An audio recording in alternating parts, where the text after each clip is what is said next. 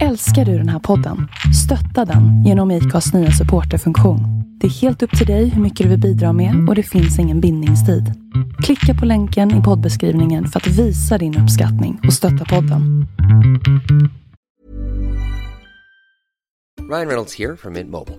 With the price of just about everything going up during inflation, we thought we'd bring our prices down. So to help us, we brought in a reverse auctioneer, which is apparently a thing. Mint Mobile unlimited premium wireless. Ready to get 30, 30, bit to get 30, bit to get 20, 20, 20, bit to get 20, 20, bit to get 15, 15, 15, 15 just 15 bucks a month. So, Give it a try at mintmobile.com slash switch. $45 upfront for three months plus taxes and fees. Promo rate for new customers for limited time. Unlimited more than 40 gigabytes per month. Slows. Full terms at mintmobile.com. Hiring for your small business? If you're not looking for professionals on LinkedIn, you're looking in the wrong place. That's like looking for your car keys in a fish tank. LinkedIn helps you hire professionals you can't find anywhere else, even those who aren't actively searching for a new job but might be open to the perfect role. In a given month, over 70% of LinkedIn users don't even visit other leading job sites. So start looking in the right place. With LinkedIn, you can hire professionals like a professional. Post your free job on linkedin.com slash achieve today.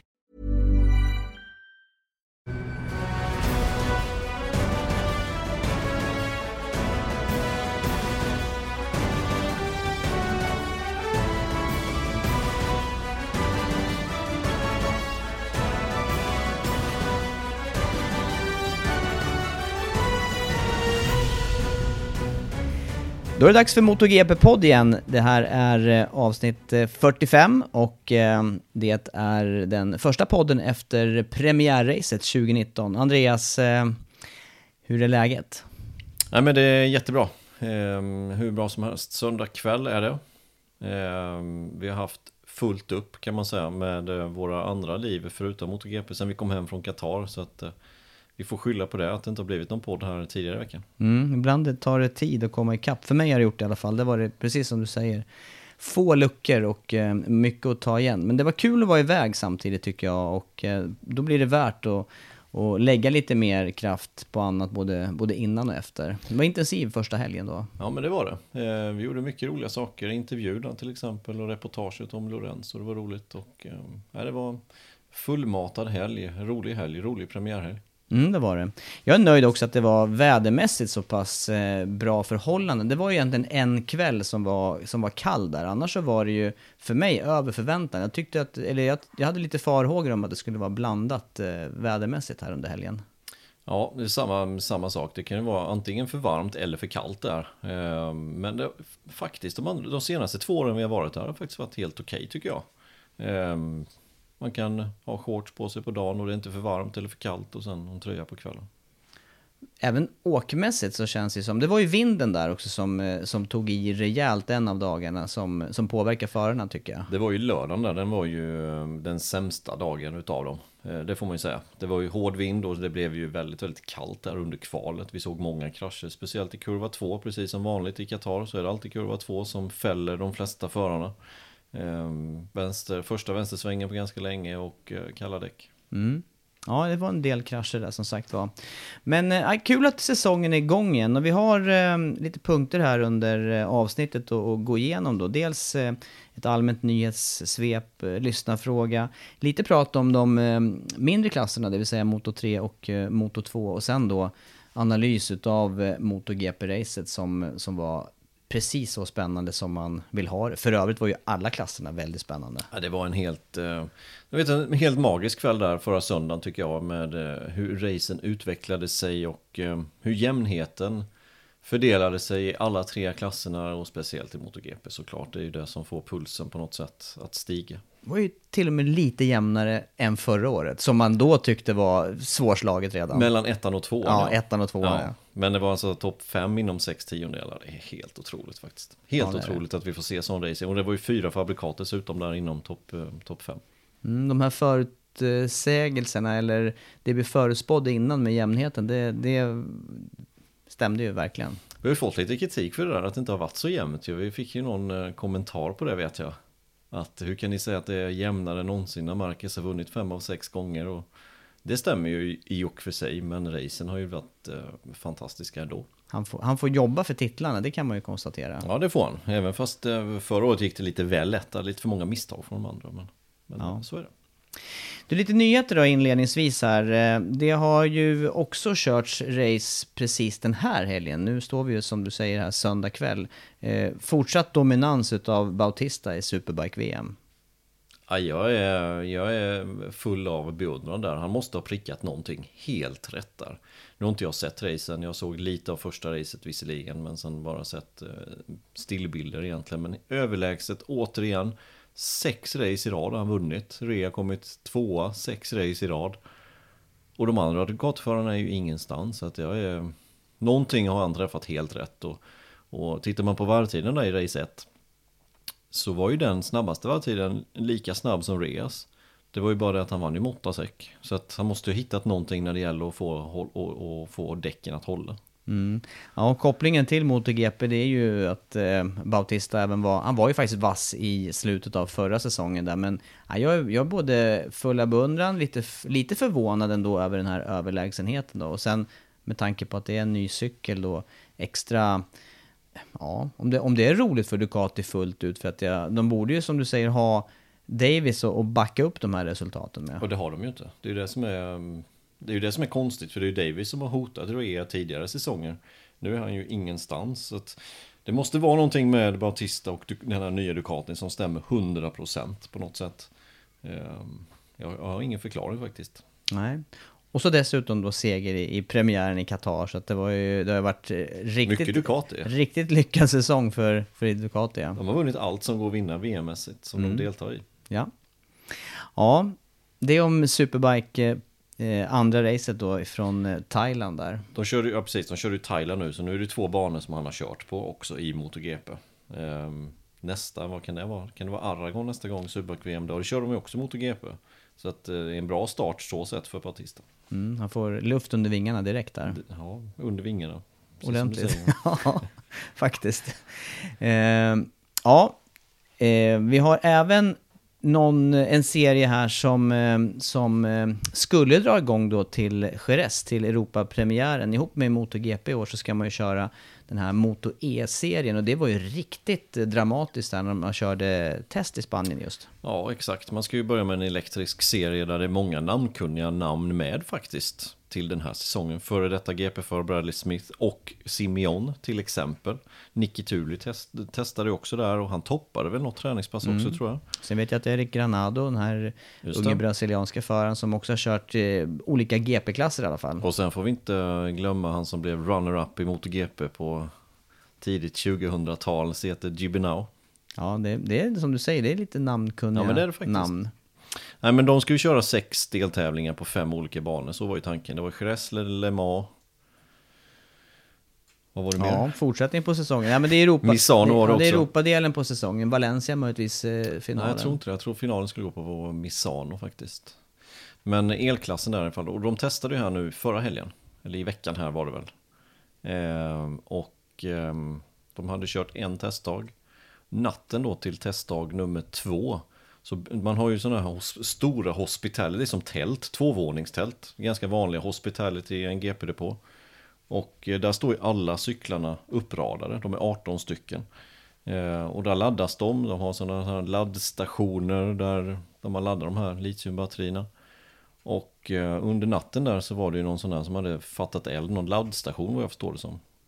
Kortslutning där på något sätt. Och det var ju en, ja, en rejäl brand helt enkelt, allting brann upp. Vilket eh, bakslag för, för mästerskapet som, eh, som eh, annars tycker jag då med de här förarna med, eh, med eh, flera av toppteamen också med då som eh, ska driva de här cyklarna. Eh, det, är, det är spännande att se och det, det är ju, tänker jag, en väg som eh, många motormästerskap går mot med det här med uppladdningsbara och el, eldrivet. Skulle jag, jag skulle tro det i alla fall. Ja, det, det är ju jättesvårt att veta vad framtiden har utvisat men, men det tyder ju på att det är mycket elbilsserier. Vi har ju Formula E då, formelbilsracing, vi har Moto E nu då eh, som inte kom igång riktigt. Men det var ju en dramatisk brand. Alltså jag har sett några, både video och foto från det där. Det var ju Vilken tur å andra sidan att inte detta skedde under en racehelg när det är fullsmäckat i depån med hospitalityn och, och teamtrailers och allt möjligt. Det kunde ju slutat i verklig katastrof. Ja, verkligen. Det är tätt eh, i depåerna som det är. Ja, man har ju ändå brandgator men det är ändå tätt ju och en sån där brand den sprider ju sig, det är ju inget snack om den saken. Nej. Nej, vilket eh, tråkigt bakslag tycker jag faktiskt, riktigt tråkigt. Ja, får vi se om man får igång det här mästerskapet då, möjligtvis till Frankrike, men annars så är det ytterligare ett race bort. Ja, de här Energica heter väl ehm, leverantör av de här hojarna va? Italienska tillverkaren. Alla 18 hojar brann upp helt enkelt. Alla 18, allt material. Du kan tänka dig hur mycket eh, material förutom cyklar som befann sig i det här området. Det var ju de här laddstationerna bland annat. Men tydligen inga cyklar laddades när branden startade utan den startade i en sån här laddstation. Tyder de första rapporterna på. Men ja, det kanske också är för att inte sprida mer sprida mer rykten och eh, bensin på lågorna tänkte jag säga. Ja, det är ju typiskt samtidigt att det är den här klassen då som, som eh, branden sker i, när det finns så mycket andra brandfarliga vätskor med de, med de vanliga hojarna och race-serierna. Ja, exakt. Jag tycker också det är tråkigt. För det har ju på något sätt... Det, det känns som när man läser lite sociala medier så känns det som att det har delats lite mitt i tur det där. Eh, just med elbils eller elracingen. Att en del tycker att det är helt värdelöst. Det låter ingenting och det kan ju bara skrotas direkt. För vi ska ju köra vidare med de här Helst tvåtakt som är 25 år gamla. Liksom sådär. Det är i framtiden något. Men, men många tycker det. Eh, och de är lite skadeglada nu. Och, och ehm, det tycker jag inte alls om. Nej, jag, är nog, jag är också inne på den här linjen att det, utvecklingen går framåt. Det är svårt att backa tillbaka till det som har Det varit. Och, ja. nej, det- Jag vill också ha 500 tvåtakt, 250 tvåtakt, perfekt klass, jätteroligt att titta på. Bra ljud och du vet allt möjligt, men det är inte framtiden. nej jag, jag tänker inte heller att det är det. Det är ju så. Ja, Men jag tycker det är tråkigt om eh, de negativa kommentarerna. Jag tycker mer synd om alla de som har jobbat med det här. Nicolas Gobert bland annat från, från han jobbade med Michelin, nu är han då eh, ansvarig för den här Moto E-serien. Kan du tänka dig hur han kände när han kom tillbaka från hotellet där till Jerez dagen efter. Okej, börja om från början. allt.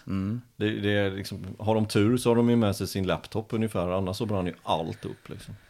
Ja, nej, tuff, eh, tuff bakslag, det kan vi konstatera. Ja, det, det ska ju tillverkas nya hojar också. 18 stycken ska ju tillverkas nu och det, det får de ju inte ordning till till Jerez så att premiären kommer ju bli framskjuten. Ja.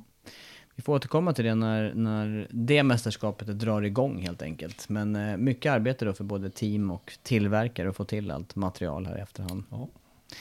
Ja, ytterligare från, eh, och det här hänger ihop med, eh, eh, med Qatar och premiären där. Det var ju Ducati som vi sa som, som vann racet, Dovizioso. Och eh, Ducati hade en massa intressanta lösningar på cykeln och eh, det har blivit eh, protester från de övriga fabrikanterna efter, eh, efter eh, racet. ja, det lämnades in från alla andra fabrikat, alltså KTM, Aprilia, Honda och Suzuki. Inte Yamaha. Det var de enda som inte protesterade. Och de protesterade ju mot den här, eh, vad ska vi säga, den här eh, aerodynamiska lösningen som sitter på svingen precis framför bakhjulet. Ja. Vi såg ju något liknande redan i eh, Valencia. Då var det ju... Eh, huvudsyftet i Valencia när det regnar mycket såg ju ut att vara att leda bort vatten ifrån bakhjulet. Och det var i alla fall vad man sa där också. Ja, exakt. Och, och den såg ju ut att göra det också. Ehm, den ser ju lite annorlunda ut. Att Yamahas lösning såg lite annorlunda ut än vad Ducatis lösning i år, hur den ser ut. Ehm, och dessutom så körde ju inte Yamaha med den lösningen när det inte regnade. Utan det var ju just Valencia när det var hällregn hela helgen. Men nu var det på, på Ducati var det ju den delen och sen var det ju dessutom eh, den här eh, startanordningen eller starthjälpen om det, nu, om det nu var någon hjälp, jag vet inte. Vi såg, eh, vi såg Ducati Ja. sticka iväg bra i inledningen. Dovizioso tog starten. Att inte Petrucci var bättre, det var ju för att han ja, gjorde något annat fel helt enkelt med kopplingen. För det, det reste ju för honom precis i startögonblicket. Han tappade ju massa, men precis som du säger, vem tog starten? Dovizioso. Och sen hade de ju även, eh, eh, ja, de har ju ett väl, eh, Någonting under bromsskivan hade de ju också. Just det, fram till där under, under gaffeln där ja. Ja. Men det här är ju tekniska, det, det- det, här, det här reglementet som eh, reglerar saker, det här måste ju du vara väl påläst på, i alla fall från din tidigare racingkarriär, du som höll på och, och gjorde mycket själv. Men det, det gäller ju att hitta och tänja på de luckor som finns i reglementet. Här tänjer de ju på det extremt mycket, så är det ju. Eh, och det måste man ju göra på den här prototyp eh, racing-nivån. Men den här grejen, det, det påstår ju då Ducati. De påstår att det här är för att kyla bakdäcket. Och eh, de påstår att de kan visa detta i dataloggen, vilket de säkerligen kan, för att den funktionen ser den ut att ha. Åtminstone när man kör rakt fram. Inte vid inbromsning, för att då, då niger cykeln i framänden, underkåpan går ju så pass nära asfalten, så då spelar det ingen roll just på bakhjulet. Men i acceleration till exempel så, så blir det ju automatiskt att du får, och, och topphastighet givetvis då, på raksträckorna, att du får mer vind till, till bakdäcket. Men under helgen, visst hade Petrucci något annat uttalande där? Han fick ju någon fråga kring det här och han, eh, han var ju inte riktigt eh, tydlig, men han menar väl på att han inte fick eh, säga någonting om det, men att, eh, att eh, funktionen inte fullt ut gällde det här att kyla bakdäcket, utan jag tror han sa lite för mycket. Åt, åt något annat ja, håll. Det, jag jag har faktiskt missat det som du påstår, eller som du säger där. Eh, och är det så, då sa han ju för mycket. För att, för, att, för att rädda sig själva Ducati, det är just för att de ska kunna komma undan med det du säger nu. Att det, det måste vara för att kyla bakdäcket. För att går man över på, som det också ser ut, att det är någon typ av Spoiler eller ja, någon vingar, ja. vinglösning som trycker ner bakhjulet i backen. Vilket med 300 hästar typ på bakhjulet så, så spinner du på raken också. Så är det ju. Så få ner greppet då, det är ju en bra grej. Samtidigt som man då kyler bakdäcket. Så det är ju en genialisk lösning. Om det nu gör någon skillnad i slutändan, det vet jag inte, men uppenbarligen. Så är det en genialisk lösning. Eh, men det är ju bara det att den, den får inte vara en aerodynamisk lösning. Utan då går det under aeroreglementet istället. Och då är det inte tillåtet. Går det däremot under att kyla, kyla däcket, då är det tillåtet. Så den här protesten lämnades ju in just för att ja, men fick lite kritik också, protesten där, naturligtvis från, från Ducati-håll då. Gigi Dall'Igna som, som driver det här MotoGP-projektet, är det han som är hjärnan bakom de här eh, lösningarna tror du? Eller är det eh, fabriken i stort? Vad, vad, vad säger du, allt det här kommer Han ifrån? är ju högst ansvarig så att det är klart att han är ansvarig för den här lösningen. Sen om det är just han som har suttit vid ritbordet hemma det är väl tveksamt. Utan det är ju en, en, eh, lagspelare det också. Men han är ju ytterst ansvarig och har ju, ja, han ligger ju bakom det här. Självklart. Så att det är ju en, en bra lösning men frågan är ju om den är tillåten.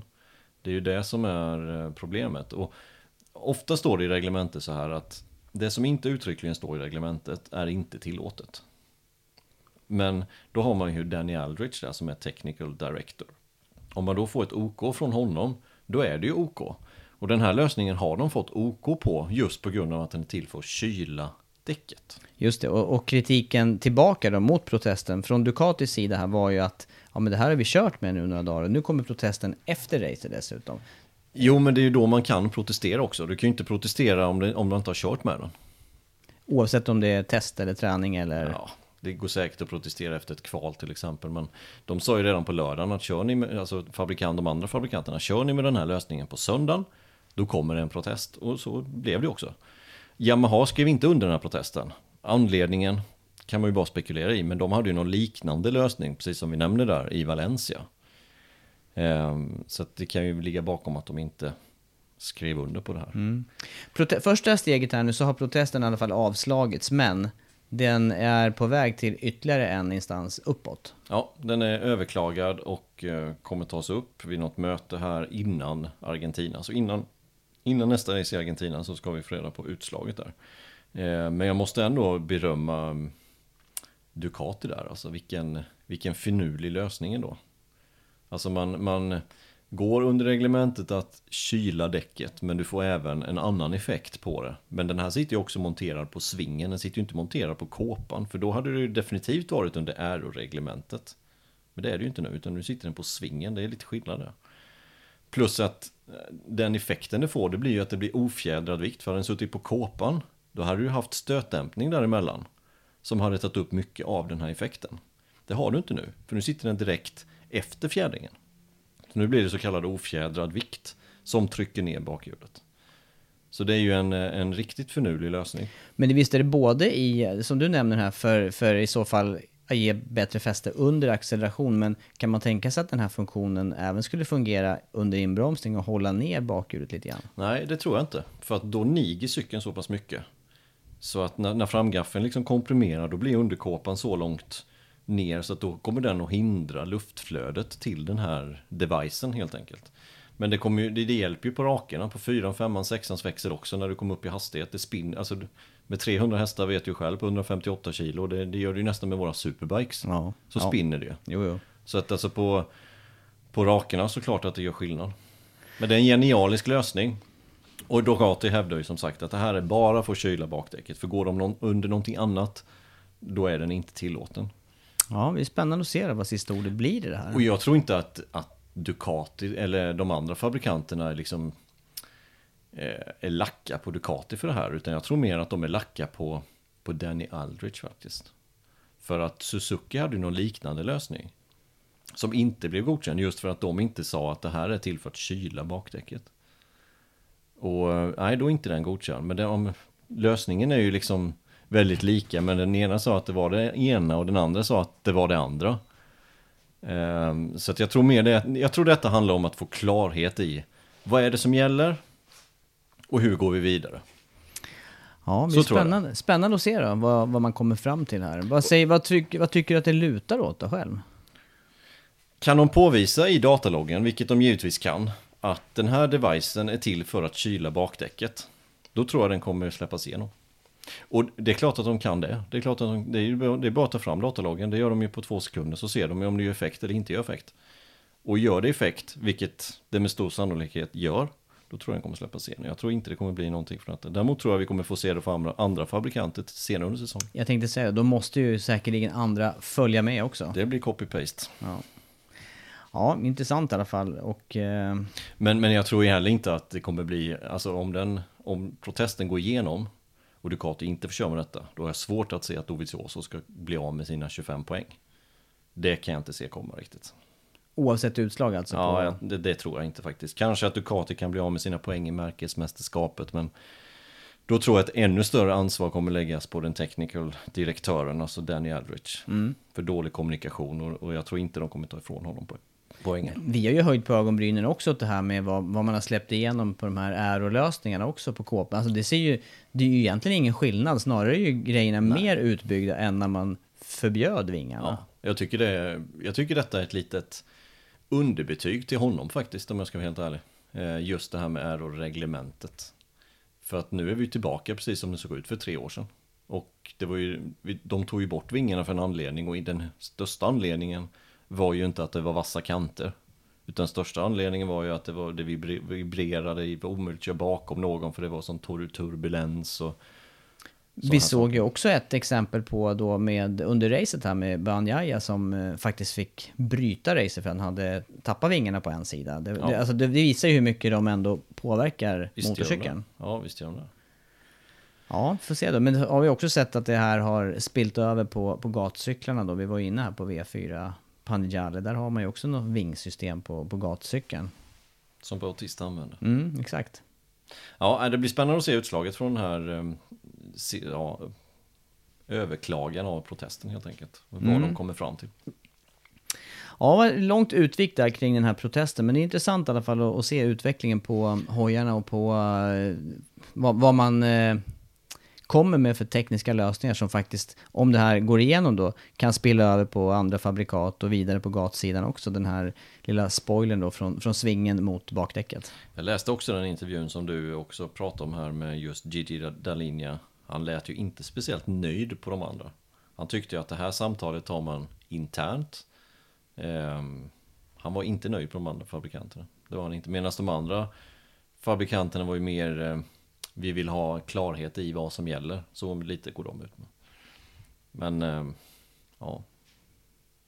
Jag vet inte. Nej, Vem som har rätt, vem som har fel. vi får avvakta i alla fall utslaget här. Ja, Så är det ju. Jag hoppas att detta åtminstone blir en engångsföreteelse för jag vill inte se sådana här saker hela tiden. Nej, det har inte varit särskilt mycket sånt heller genom, genom åren. Det blir lite F1-style över det hela, att det ska protesteras till höger och vänster överallt för allting. Det är, det är bättre att de fixar till sakerna som är, alltså hålen i reglementet helt enkelt. Täpper till hålen i reglementet, det är det de behöver göra. Mm. Jag tror att det är därför det strular helt enkelt. Jag skulle vilja koppla ihop det här med, med eh, lyssnarfrågor som vi har fått in. Jag tänker att du pratar ju nu om hur eh, de här vingarna påverkar körningen och hur den här eh, påbyggnaden under svingen då kan hjälpa till att kyla och ge bättre driv. Och vi har ett par lyssnarfrågor som rör just Eh, raksträckan på Qatar där. Vi såg ju tydligt hur eh, cyklarna och förarna då i utgången, sista sväng, kommer ut i en högersväng och sen så gör man en stor vid båge ända upp mot eh, depåmuren och sen ut igen till idealspår, vänster i banan för nästa högersväng. Det här att den här bågen, eh, den ser man ju inte på till exempel bilsidan. Nej, det gör man inte. Två lyssnarfrågor, helt rätt. Eh, en från Filip Engdahl och en ifrån Staffan Moberg har vi fått in på exakt samma sak. Det var ju ganska roligt. Men då måste jag ha sett racet i Qatar eller träningen i Qatar. Ehm, precis, varför man då väljer att inte hålla kvar vid vänsterkanten utan göra den här svängen inåt och sen tillbaka och sen det, det hade ju teoretiskt sett, precis som Staffan är inne på här, det hade ju gått teoretiskt snabbare kanske och legat kvar på vänster och inte tappa fart.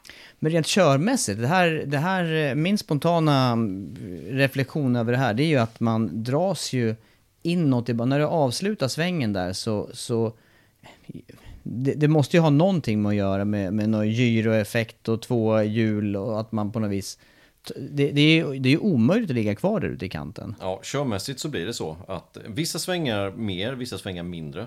Men körmässigt blir det, när man kommer ut i en högersväng, då svänger man automatiskt lite in mot högerkanten.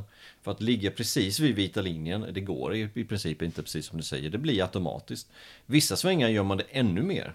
Att man helt enkelt eh, dras ut ännu mer. Här kan jag också tänka mig i Qatar, det gör man ju också för att den som är bakom ska få slipstreaming, absolut. Men göra den här bågen gör ju att det blir lite farligare för honom att försöka köra om på insidan. Och det är ju verkligen insidan man vill vara på nere i bromsningen sen. Ja, för man vill ju inte ligga på utsidan. Det kan vi fråga Tom Lytti om hur det funkar. Ja, det, är ju den där klassiska omkörningen som, eller det jag brukar ta upp där mellan Marcus och honom i Moto 2, eller hur? Ja, 2012 var det en incident de två emellan där när Lytti var på utsidan och Marcus var på insidan. Life is full of awesome what ifs, and some not so much, like unexpected medical costs. That's why United Healthcare provides Health Protector Guard fixed indemnity insurance plans to supplement your primary plan and help manage out of pocket costs. Learn more at uh1.com. This is Paige, the co-host of Giggly Squad, and I want to tell you about a company that I've been loving, Olive and June. Olive and June gives you everything that you need for a salon quality manicure in one box. And if you break it down, it really comes out to $2 a manicure, which is absolutely insane. It's also so easy to get salon worthy nails at home with Olive and June. The difference between how your nails used to look when you did them yourself and now with the Manny system is a complete game changer. The best thing about Olive and June too is it's a quick dry, dries in about one minute, lasts for five days, and full coverage in up to one to two coats. Visit oliveandjune.com slash perfect manny 20 for 20% off your first system. That's oliveandjune.com slash perfect manny 20 for 20% off your first system. Hi, I'm Daniel, founder of Pretty Litter. Cats and cat owners deserve better than any old fashioned litter. That's why I teamed up with scientists and veterinarians to create Pretty Litter. Its innovative crystal formula has superior odor control and weighs up to 80% less than clay litter. Pretty Litter even monitors health by changing colors to help detect early signs of potential illness. It's the world's smartest kitty litter. Go to prettylitter.com and use code ACAST for 20% off your first order and a free cat toy. Terms and conditions apply. See site for details. Sidan då, just i den svängen. Och det... Men just i Qatar så är anledningen att man går upp så tätt till depåmuren, det är ju det här som du säger, att man inte vill släppa upp någon på insidan där i alla fall. Det, ja precis. Det vill jag nog påstå. Men att man gör en sån här båge, det ser man i varje sån här sväng och det blir så automatiskt. Varken mer eller mindre. Mm. Ja, och just med, med två hjul där under acceleration med när, när framhjulet går upp i luften lite grann och sen slår ner. Man vill inte heller ligga där ute vid vita linjen för det, det ruskar alltid på sig. Någon, man, man vill ha någon slags marginal där utåt. Ja, det vill man ha. Det vill man ha. Mm. Jag vet inte om det räcker som svar, det kanske är tillräckligt. Ja, och sen, det, som sagt, det blir så lite automatiskt när man kör också. Att man kan inte hålla kvar vid vänsterkanten som en bil kan göra till exempel. Och bara ligga där. I lugn fart går det att köra, när man inte Ja, kör, om man inte kör med någon acceleration direkt, då går det att ligga så. Det är klart.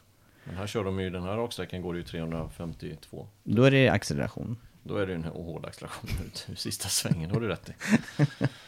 Ja, jag hoppas att ni får eh, något svar kring den där eh, funderingen då med, med bågen. Ja, jättebra fråga. Jättebra fråga.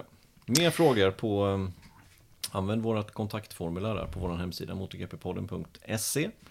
Ställ gärna fler frågor. Mm. Vi ska väl studsa in då på, på Qatar-helgen där och, och först lite grann, lite kort ifrån de eh, mindre klasserna där. Det var ju eh, eh, Toba som vann Moto 3-racet, det var Baldassari som vann Moto 2. Båda racen jämna. Jag var grymt imponerad av eh, Toba framförallt som eh, tog sin första seger i karriären. Jag är också jätteimponerad. Jag hade inte räknat med att han skulle vara där. Och när vi sa, han, han kvalade trea, vi stod han där i första startled.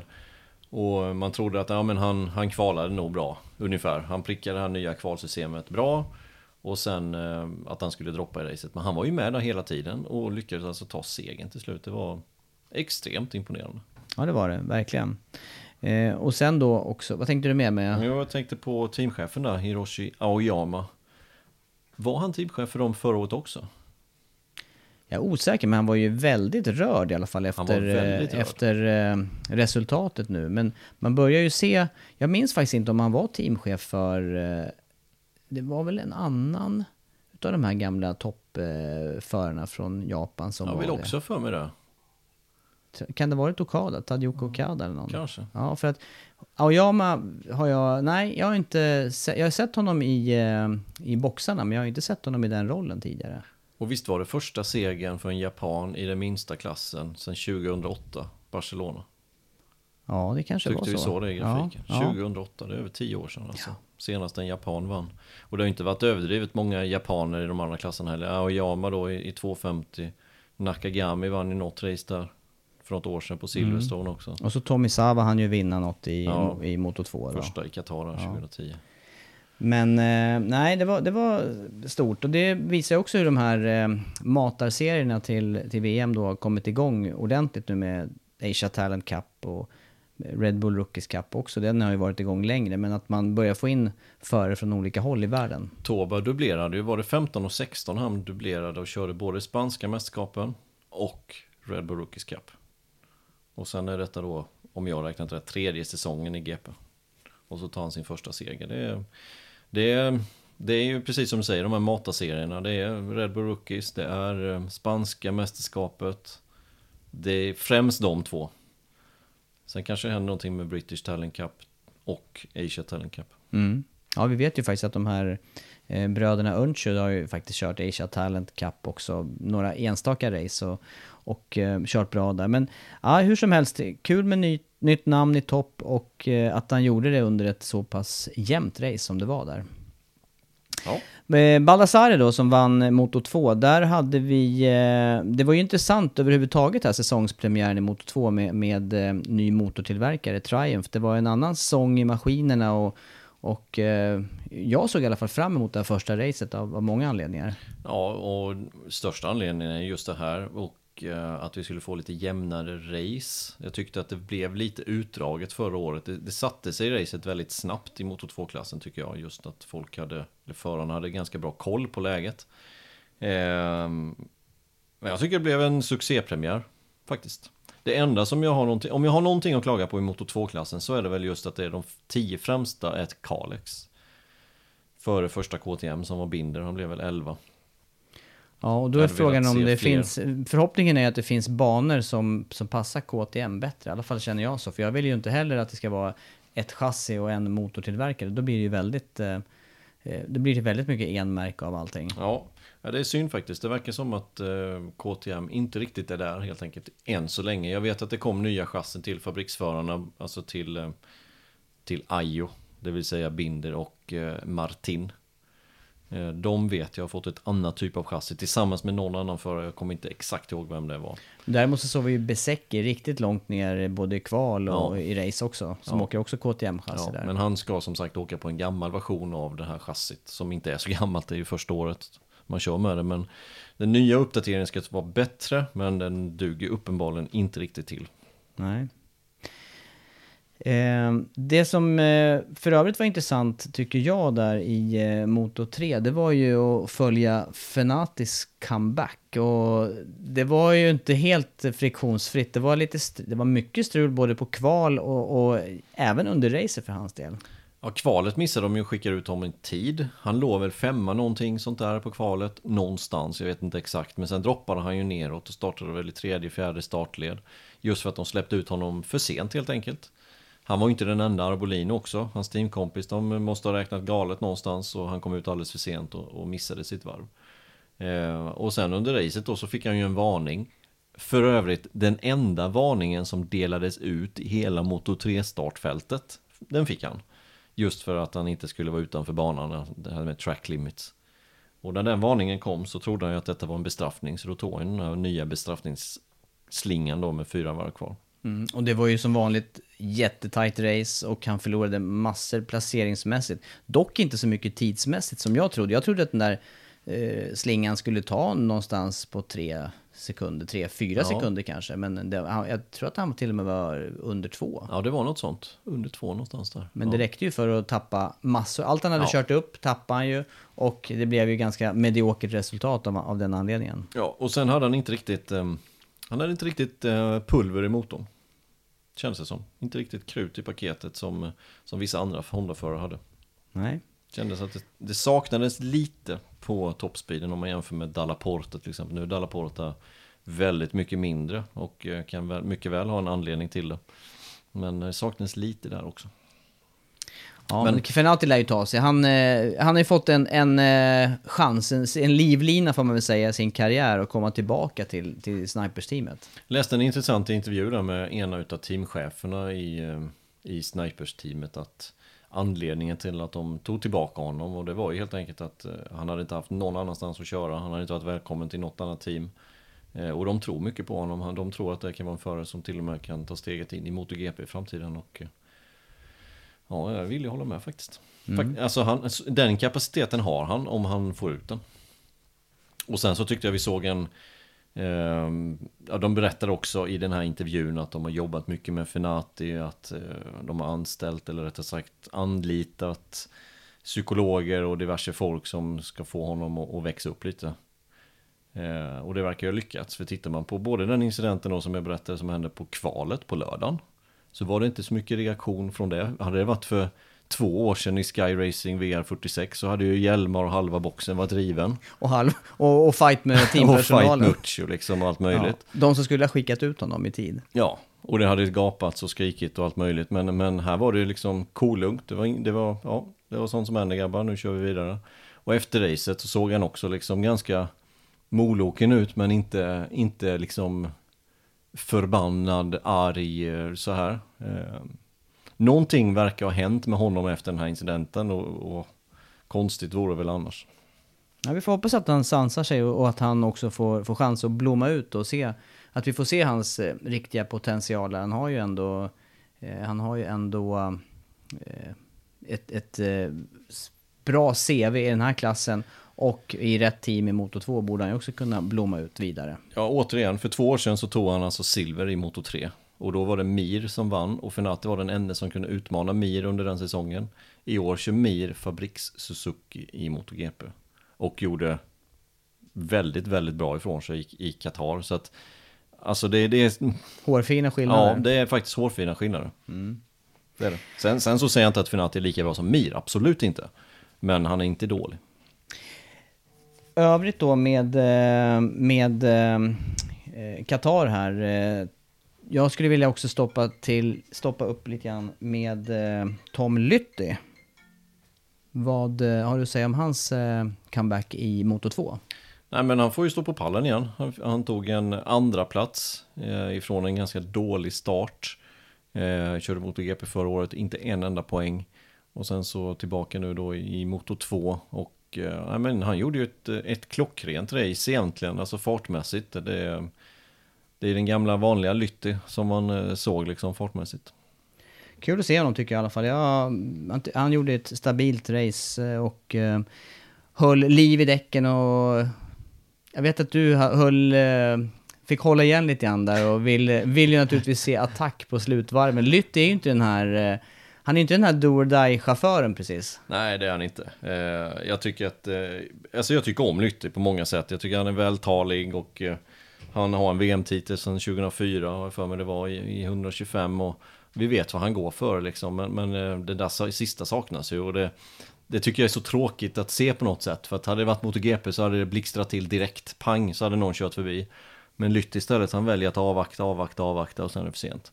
Han hade ju flera chanser det här sista varvet att ta sig förbi Baldassari, han hade flera chanser varven innan att ta sig förbi, eh, ja vem var det nu då? Ja, var ju en utav ja, dem och Remy Gardner var det som han höll på med väldigt länge innan han tog sig förbi. Han, han saknar lite den där edgen i omkörningarna och jag kan bli lite frustrerad över att se Lytti liksom och, och, veta att vad fasen, ja, hade det varit någon annan så hade han gått förbi istället. Men han är ju den typen av förare och anledningen till att jag kanske blir lite frustrerad är för jag känner igen mig själv i det där. Jag, gjorde, jag hade också den latan, jag hade svårt att köra förbi när jag även var snabbare. Jag vet inte det som får mig väldigt frustrerad när jag ser Lytter på något sätt kanske. Men jag vet att du var det i alla fall under, under ja, men, slutet av racet där. Jag kommer ihåg de här, eh, alltså Red Bull Ring 2017 tror jag det var. När han körde och, och samma sak där Lytter, han kom inte förbi, han kom inte det. förbi, han kom inte förbi, ja. han kom inte förbi och det var liksom man, man hade sett fram emot liksom den här sista varven-duellen men sen så nej, nej det, det är Lytter så det blir det inte liksom. Och det, nej. Ja, jag blir lite fortfarande frustrerad över att han inte... Men du har ju en poäng där, det är ju ofta så det har sett ut runt honom. Men eh, jag är i alla fall imponerad av hans eh, uppkörning och hans... Eh, ja. Eh, med tanke på hur tungt det gick förra året i MotoGP så är det ju... Eh, ja, det, är ändå, det är ändå starkt att vara med direkt upp i topp här nu när han har bytt, bytt klass igen. Ja men han är ju, han, han är ju en av de absolut snabbaste i Moto 2. Och för att vara det så är man en av världens bästa motorcykelförare. Det är inget snack om den saken. Så att, Eh, att han, eh, att han är duktig, det är absolut inte det. det. Det jag har någonting emot, det är just hans edge som saknas i omkörningarna. Det, mm. det är just det. Ehm, men som sagt, man vinner inte mästerskap heller på ett race. Nej. Ska man komma ihåg, han är väldigt stabil oftast. Du, eh, det börjar bli läge att hoppa över till MotoGP-racer va, som ändå var huvudnumret i, i 23 tusendelar. Ja. Det är det som stannar, det är det som fastnar på min näthinna. Dels den här täta finalen och finalvarven och sen också hur tätt fältet var samlat där. Och min, min spontana känsla var ju att det gick ju inte fullt hela racet. Så, så måste det ha varit för att det skulle kunna hållas så här tätt bakom eh, Dovizioso och Marquez och de här som låg uppe i toppen. Ja, nej men så är det ju. Ehm, man behöver spara på däcken lite för att ha lite mer mos och kräm i, i greppet helt enkelt när det väl ska avgöras. Och vi såg det återigen, Dovizioso. Han är ju mästerlig på att leda ett race, kontrollera farten, spara på däcken. Och sen blixtrar han till lite, drar isär fältet lite, stannar av lite och sen håller han på lite så här och... Ja, vi ser det ofta när Dovizioso leder racen. Ja, och det var, det var tydligt den här gången. Och vad, ja. vad är svårigheten i det? Vad ligger svårigheten i att göra som han gör här? För hans del? Ja. Nej men det är ju att det ligger för många bakom och, och, och, när det väl blixtrar till och någon kör förbi då är man ju som mest sårbar. Det är ju, det är ju det som är risken med att köra på det här sättet. Men så länge han leder så är det ingen fara. Och det var ju som man sa efter racet att Rins var ju riktigt, riktigt snabb i de kurviga partierna. Och då var han ju aggressiv och tog tillbaka direkt. Ja, och det syntes också tydligt under racet. Där var, det, det tyckte jag var, var, kul att se på de här eh, bilderna uppifrån, från helikopter. Man såg hur, hur Rins kunde ta tajta spår i de här svepande kurvorna som, som kännetecknar Qatar ändå på de här ja. kurviga partierna. Ja. Nej men hade man, säg att man inte hade haft ett race utan vi hade kört rally istället. Man hade kört race-distansen fast var för sig. Om vi säger så då. Då hade Vinales vunnit och Rins hade blivit tvåa. Ja, så såg det ut. Ja, så såg det ut. Men eh, så blev det inte. Nej. Utan det handlar ju om att köra om också och göra det på rätt ställen och vara snabb på rätt ställen och inte sårbar. Och eh, det är ju inte Dovizioso. De har ju en, eh, nu ska inte jag säga att den här fördelen som Ducati har rakt fram, den, den är ju lite försvunnen nu i och med att Honda hade sån eh, fart rakt fram. Marcus hängde på bra på raksträckan. Ja, ja, men det gjorde han. Men jag tycker ändå att eh, tittar man på toppspeeden så är det precis som du säger. Men jag tycker när, när Dovi låg i slippen på Marcus, då såg det lättare ut att åka förbi än tvärtom. Men du, vad är det för, eh, vad, vad, vad finns det för orsaker till att eh, racet utvecklades som det gjorde då? Att det blev så pass tätt här nu då? Vad, vad, vad har man att säga om själva raceutvecklingen här? Första fåret, man känner på varandra lite grann. Eh, och sen just det här med att spara lite på däcken helt enkelt och ha lite mer mos de sista åtta varven, fem varven. Du nämnde eh, Mir här i, eh, när vi pratade Moto 2 också och Moto 3. Mir gjorde ju en, eh, ett kanonrace här på Suzuki också. Det är bara Rins och eh, Mir som åker Suzuki. Och han hängde ju med bra där. Där måste det vara en, jag tänker just på, för rookiesarna, där måste det vara en stor osäkerhetsfaktor hur eh, till exempel då däcken håller under full distans. Ja, visst är det det. Och, och Mir blev alltså åtta i sitt premiärrace i MotoGP. Visserligen har han slagen av sin teamkamrat då, Alex Rins som blev fyra, men Rins har ju också, vad är det nu, det är hans tredje säsong i Tredje säsong är det väl i Suzuki. Så det är inte så konstigt heller för en del. Nej.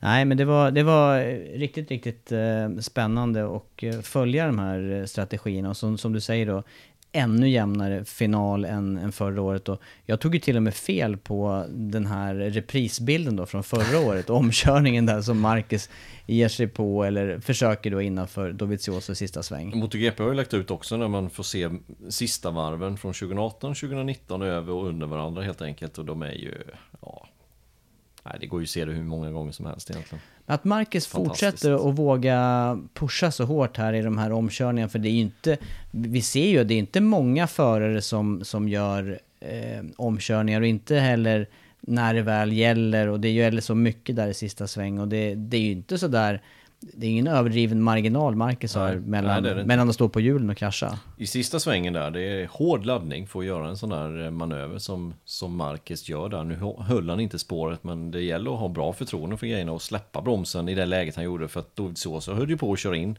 alltså lägga in i svängen. Då kom Marcus. Eh, så det var ganska sent den här gången tyckte jag, under liksom inbromsningsfasen. Vilka är det som väljer strategi då? Uh, vi ser ju ibland här nu att man får upp uh, på instrumenteringen då att man ska byta mapping och det ska göras saker. Hur mycket, hur mycket kommer ifrån eh, depån och hur mycket gör föraren under racedistansen? Nej. I Doviziosos fall så tror jag att det är, han, han har en tanke på ungefär. Men sen så gör han mycket hur det utvecklar sig. Att liksom, det är en annan sak att planera en strategi i MotoGP än i Formel 1 till exempel. Där kan man planera sin strategi. Nu ska vi ligga på den här tiden och köra för då blir däckslitaget så här. Och depåstoppen blir så här. Och sen kan vi pusha de varven. MotoGP funkar inte riktigt så. Utan där gäller det att anpassa sig till situationen. Det är bara att titta i resultatlistan också. Topp 15.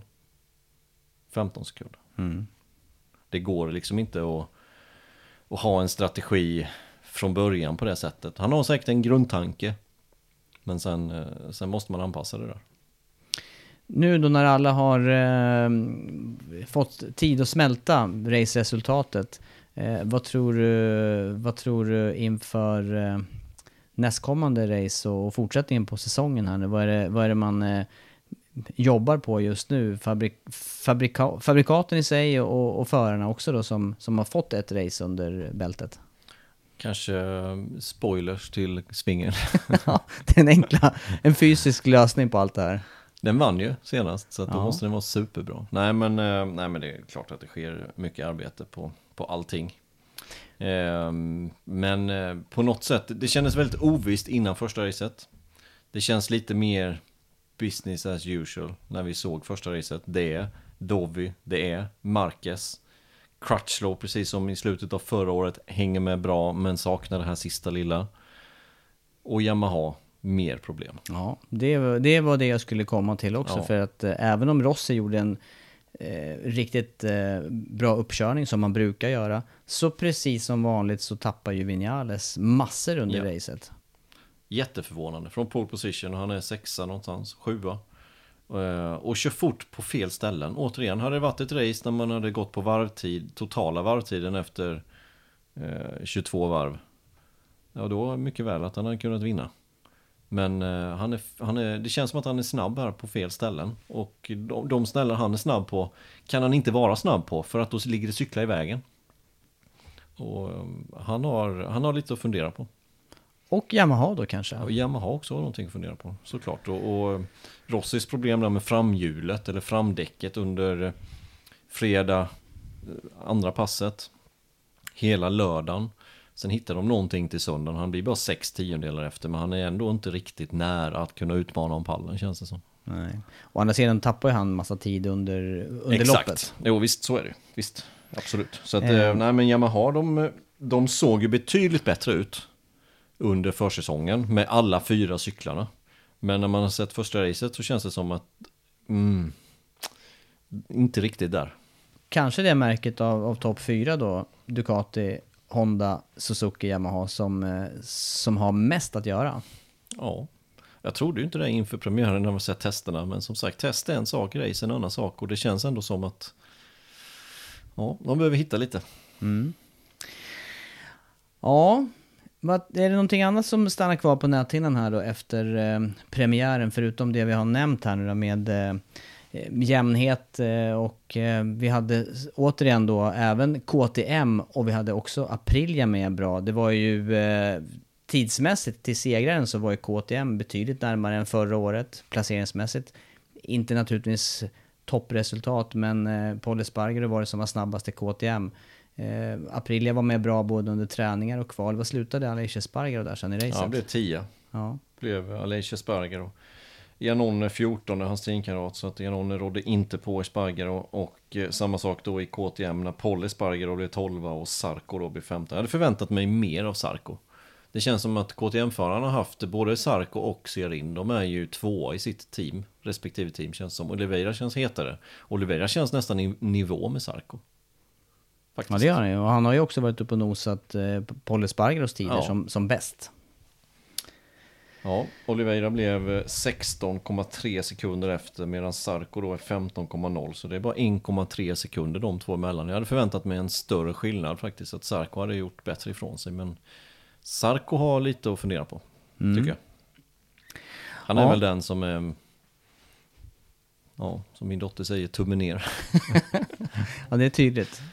Tummen ner, tummen upp.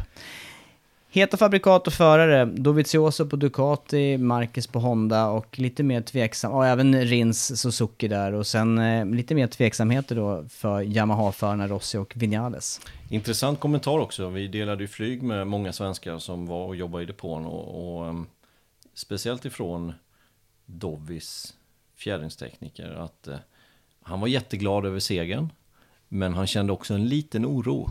Liten oro för detta är en bana som inte är Hondas absolut bästa. Det ska vi komma ihåg.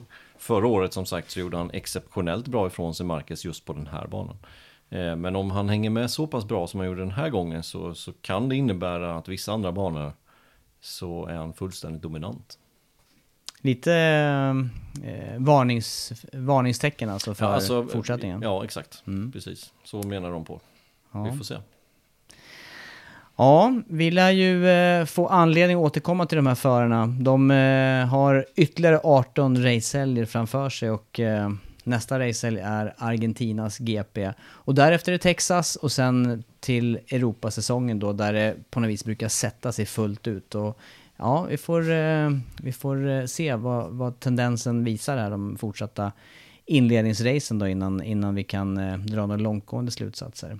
Jag är väldigt nöjd i alla fall personligen över eh, den här jämnheten i eh, racingen. Det är ju det som på något vis ger puls och ger den här atmosfären. För att annars, vore inte racen jämna, då, för mig vore det inte samma känsla och ens sitta och försöka göra det spännande då. Det, nu gör det sig själv på något vis. Lätt kommenterat menar du? På det sättet. Ja, det är ju bra att du är kommentator då, så att det blir lätt kommenterat. Ja. Glöm inte, ja, jag tänkte också det här med, eh, glöm inte bort heller att ni kan prova att åka bana. Det får vi påminna om igen här. Anderstorp, sjunde sjätte, eh, klämdag och eh, bandag med MotoGP-podden. Mm. Anmäl er där och eh, ta chansen och eh, utveckla körningen helt enkelt. Ja, och sen så fler lyssnarfrågor vill vi in. Vi har kommit en hel drös här nu efter, men vi vill ha mer. Eh, och gärna lyssnarfrågor som vi kan hitta svar på i depån. Så kan vi försöka få in någon insatt person i de här eh, frågorna. Ja. MotoGP-podden.se Kontaktformulär. Då avrundar vi för den här gången. Vi gör det. Tack så länge.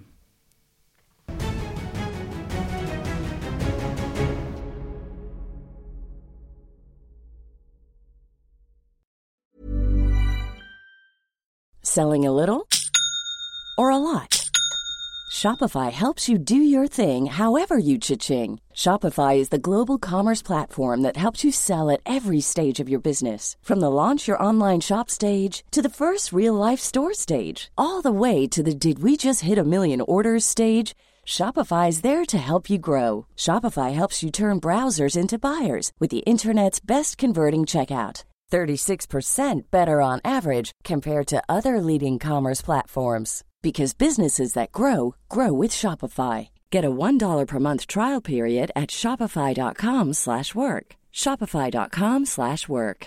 Imagine the softest sheets you've ever felt. Now imagine them getting even softer over time. That's what you'll feel with Bowl and Branch's organic cotton sheets. In a recent customer survey, 96% replied that Bowl and Branch sheets get softer with every wash. Start getting your best night's sleep in these sheets that get softer and softer for years to come. Try their sheets with a 30-night guarantee. Plus, get 15% off your first order at bowlandbranch.com. Code BUTTERY. Exclusions apply. See site for details.